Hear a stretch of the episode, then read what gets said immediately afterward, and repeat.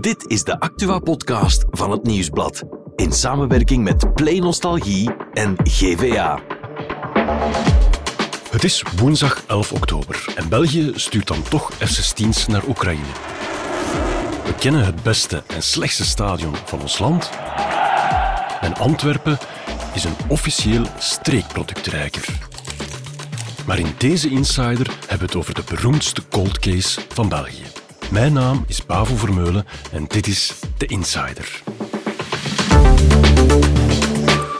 De Insider van vandaag is misdaadreporter Annelies Baten. Welkom Annelies. Dag Bavo. Gisteren om 9 uur s morgens was er in Rotselaar in Vlaams-Brabant was het ineens alle hens aan dek. Met de grote middelen is de zelfvermiste personen daar neergestreken en Jij was daar gisteren ook. Ja, dat klopt. Uh, ik ben meteen in mijn auto gesprongen, want als er natuurlijk beweging zou zitten in de zaak Nathalie Gijsbergs, is dat groot nieuws. Mhm. Voor mij niet zo heel erg ver van waar ik zelf woon, want ik woon zelf al een kleine tiental jaren in Neerijssen.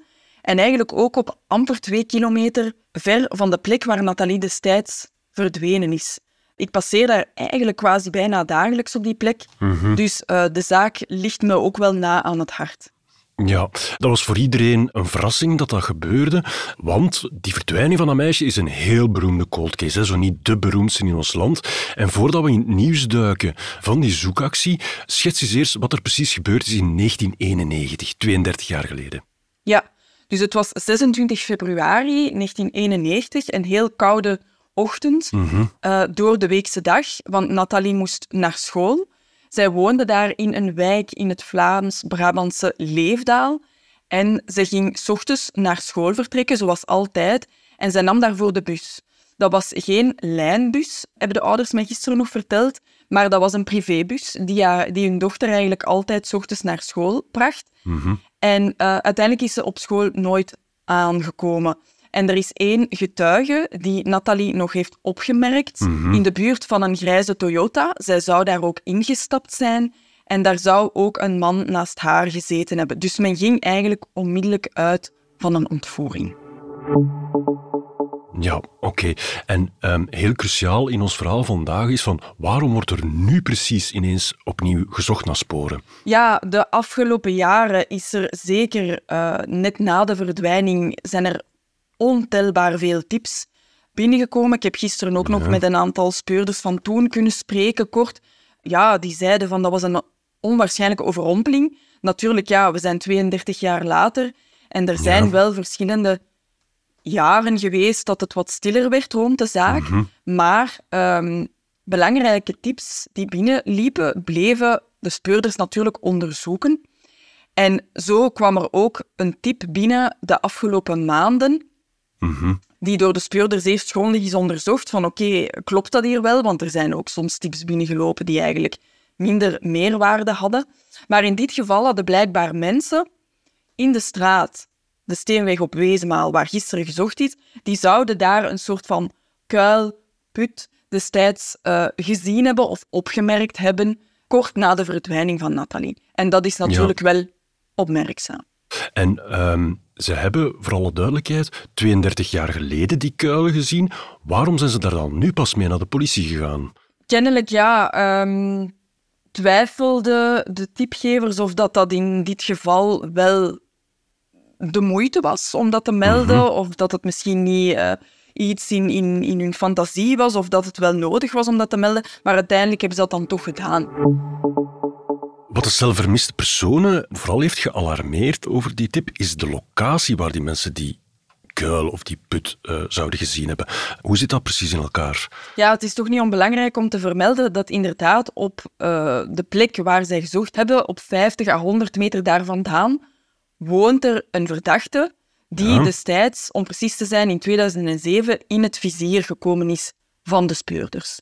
Ah ja, en dus En dus eh, op dat moment, eh 1 en 1 is 2, allee, gingen toch ook wel eh, extra alarmbellen af. Mhm, Oké. Ehm, en jij was daar dus gisteren ter plaatse. Wat heb je daar precies zien gebeuren? Eh, ja, daar eh, stond wel een hele hoop materiaal van de eh, civiele bescherming, busjes van de zelfvermiste personen, etc. En het perceel waar gezocht werd, was helemaal afgezet met panelen. Ehm, de cel wil graag altijd in alle discretie te werk gaan, omdat het natuurlijk ook over heel gevoelige materie gaat. Hè. Er wordt daar gezocht naar een menselijk lichaam natuurlijk. Dus um, daar is geen ruimte voor pottenkijkers. Ehm, en dus ja, uh, ik heb daar heel de namiddag zeg maar uh, gekampeerd. En u moet weten, Bavo, zo een, ik heb gisteravond ook nog eventjes met Alain Remu van de celvermiste personen kunnen bellen. Ja. En die legde mij ook uit op welke manier dat zo'n zoeking, uh, zoeking Mhm. te werk gaat. Dus dat is niet zomaar dat men daarmee begint, maar ze noemen dat necrosearch in het Engels. Ja. En dat wil eigenlijk zeggen dat ze minutieus laag per laag grond gaan afgraven. Ja. Maar ook de mensen van het DVI, dus het Disaster Victim Identification Team, staat daar ook op te kijken, omdat zij eigenlijk ehm, moesten er sporen zijn van menselijke resten, moeten zij onmiddellijk kunnen ingrijpen en, en, en eh, er kunnen voor zorgen dat er geen bewijsmateriaal verloren gaat. En zo is eigenlijk heel de dag, van 9 uur s morgens tot 5 uur 30 in de namiddag, zijn ze, hebben ze heel dat perceel afgegraven. En als ik het goed begrijp, gaan ze echt bijna archeologisch te werk. Eh, Heel voorzichtig, heel stapsgewijs, zo, om ja. geen be- bewijsmateriaal te vernietigen. Klopt, en er werd mij ook gemeld, want u zou misschien kunnen denken, tot welke diepte graven ze dan, om zeker te zijn dat alles clean is. Wel, ehm, eigenlijk gaan ze dan de, de structuur van de grond bestuderen en ze gaan eigenlijk tot op het niveau dat ze merken, die grond is gewoon puur en onaangeroerd. Ja. Die is niet eh, omgewoeld of blijkbaar kan je dat heel hard zien eh, aan, de, tex- aan, aan de, de textuur van de grond. En dus tot op die diepte gaan ze. En dat was ongeveer gisteren gemiddeld ehm, ja, eh, een halve meter, zoiets. Ja, en ze hebben daar een, een, een hele dag met heel veel volk en heel veel materiaal aan gewerkt. Maar s'avonds was de conclusie wel niks gevonden. Klopt, inderdaad. Er werd gehoopt, zoals dat bij vele zoekacties, eh, dat er wordt gehoopt op een doorbraak, maar die kwam er niet. Dus, Annelies, eh, gisteren ehm, is er geen spoor of geen lichaam gevonden. Maar wat we wel nog extra kunnen induiken, is dat aspect van die ex-verdachte in de zaak, die dan vlakbij die zoekplaats woont. Ehm, die man is, heb je daarnet gezegd, in 2007 in het vizier van de speurders gekomen. Hoe is dat gegaan? Ja, dat klopt, want hij werkte, de man werkte destijds in een eh, ziekenhuis als verpleger in Lovenjool, ook niet toevallig de plek waar Nathalie naar school ging. Ja, En misschien eh, ook de dag van de verdwijning niet onbelangrijk, is de man niet komen opdagen op zijn werk. ja, En misschien wel de belangrijkste aanwijzing, ehm, ja, hij voldeed ook aan de persoonsbeschrijving. Want zoals ik eerder al zei, had een getuige Nathalie nog opgemerkt op de plek waar ze verdwenen is. Ze stapte blijkbaar in een grijze Toyota en eh, de man voldeed aan de persoonsbeschrijving van de man die toen achter het stuur zou zitten of alleszins Nathalie zou hebben meegenomen. ja. En een extra element was ook dat de speurzers bij hem kinderpornografisch materiaal aantroffen. ja. Die man is opgepakt door de speurders, aangehouden door de onderzoeksrichter, op de rooster gelegd, maar eigenlijk, eh, finaal, hebben ze niets kunnen vinden. Hij is zelfs aan een leugendetector gehangen. Die heeft hij helemaal doorstaan, die test. ja. En daar kwam eigenlijk uit en hij bleef ook volhouden dat hij niets te maken had met de verdwijning van Nathalie Gijsbrechts. Hij werd uiteindelijk enkel vervolgd voor het bezit van kinderporno. Ja, en voor alle duidelijkheid, de man is vandaag geen verdachte meer. Hij is ook niet ondervraagd Eh, gisteren of Nee, volgens onze informatie, het is niet altijd evident om eh, elementen uit een onderzoek eh, te weten te komen natuurlijk, maar volgens de informatie waar wij over beschikken, niet. Nee, Mhm. zou de man niet onder, opnieuw ondervraagd worden. Oké, Annelies, dat is heel interessant. Ehm, in de zaak Gijsbrechts herinner ik mij dat er ook een andere man een aantal keer is blijven opduiken als verdachte. En dat was een trucker, als ik me niet vergis. Dat klopt. Michel Stoks, een vrachtwagenchauffeur uit Locristi, Ja, die naar Nederland was uitgeweken. En blijkbaar moet hij in de periode van Nathalie's verdwijning op zijn route ehm, als chauffeur voorbij Leefdaal gereden zijn. Dus de, de gemeente, de plek waar Nathalie dan in 1991 verdwenen is. maar die man die had van alles op zijn kerfstok. Dat klopt, ja. Die had, ehm, dat heeft hij ook bekend, drie kinderen misbruikt en nadien op gruwelijke wijze vermoord. Ja, En men dacht eigenlijk dat er nog veel meer ontvoeringen aan de man zouden kunnen gelinkt Ah, ja. worden. Nu, hij heeft over andere zaken eigenlijk nooit bekentenissen afgelegd. Ehm, en over de zaak Nathalie Gijsbrechts heeft hij ook altijd ontkend dat hij daar iets zou mee te maken hebben. Mhm. Maar alhoewel hij het juiste uh, profiel had, is hij op een gegeven moment ook geschrapt als verdachte.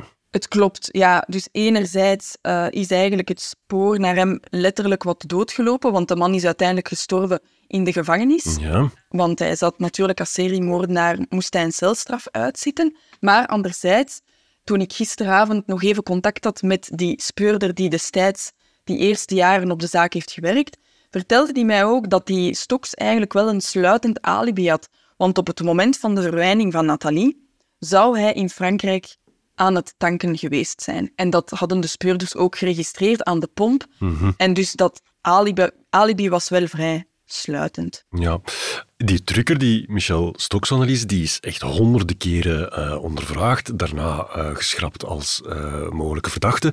Maar het bewijst nogmaals hoe hard er gezocht, gespeurd is in de zaak Nathalie Gijsbrechts. Dat klopt, hè? Ja, die zaak stond heel hoog op de agenda van de speurders. Er zijn honderden tips binnengelopen die ook minutieus zijn onderzocht, verschillende verdachten ook ondervraagd. En zelfs in die mate eigenlijk dat men ook is gaan kijken richting Dutroux en Fourniret. Natuurlijk ja, heel bekende kidnappers in ons Mhm. land, jammer genoeg. Dus zij zijn daar ook mee geconfronteerd, omdat ze mogelijk dachten van misschien vinden we daar wel een spoor, omdat ze natuurlijk ook heel veel op hun kerfstok hadden. Ja. Maar finaal is daar ook niets uitgekomen.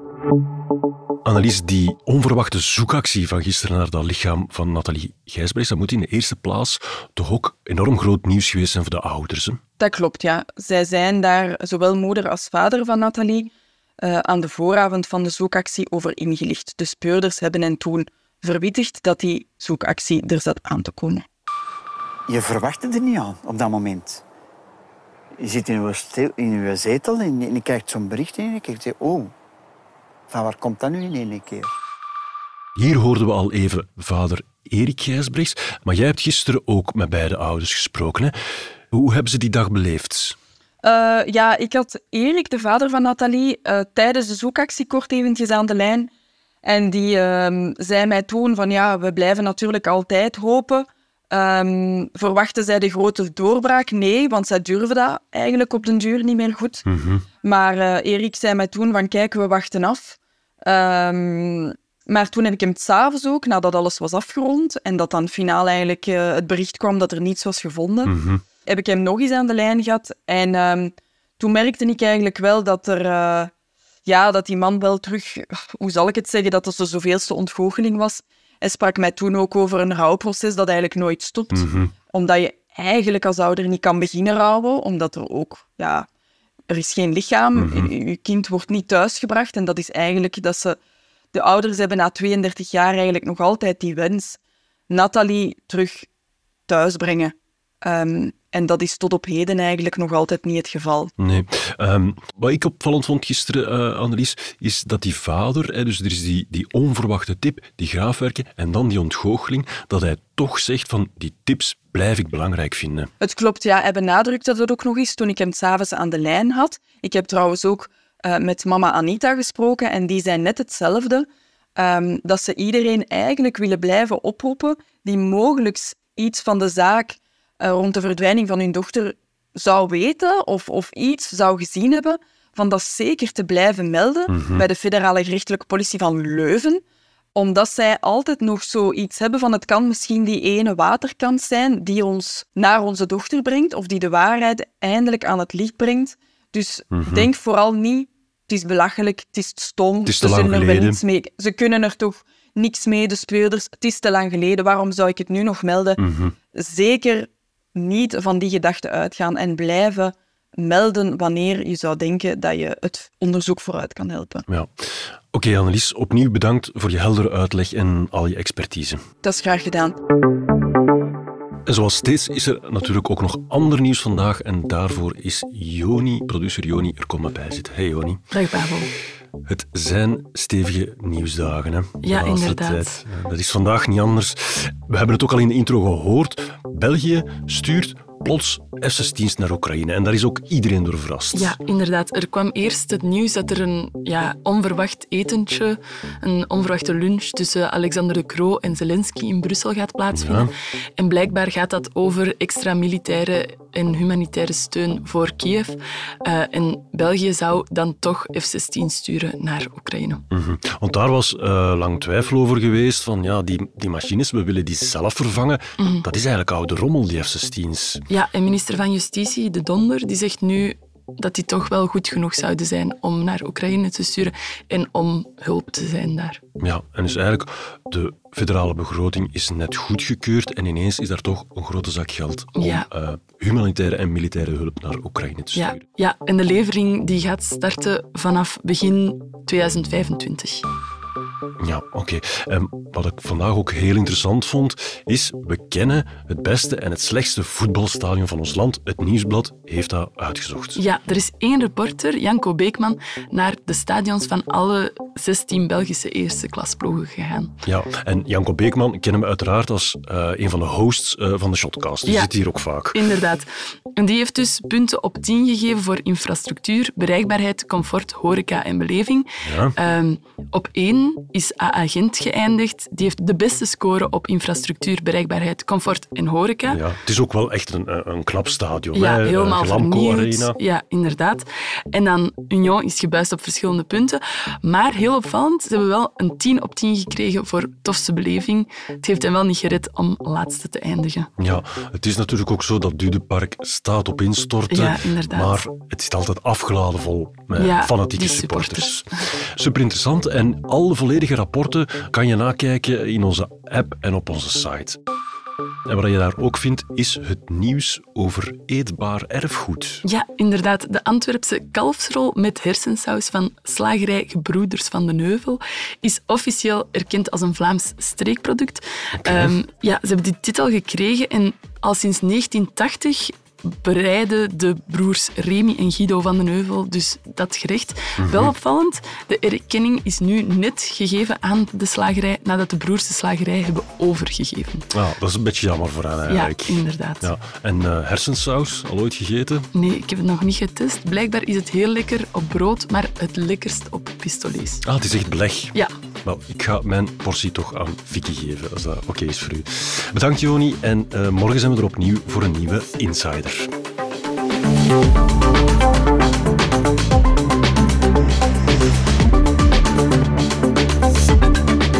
Dit was The Insider, een podcast van het Nieuwsblad in samenwerking met Play Nostalgie en GVA. De muziek is van Pieter Santens. De montage gebeurde door House of Media. Wil je reageren? Mail naar podcast.nieuwsblad.be.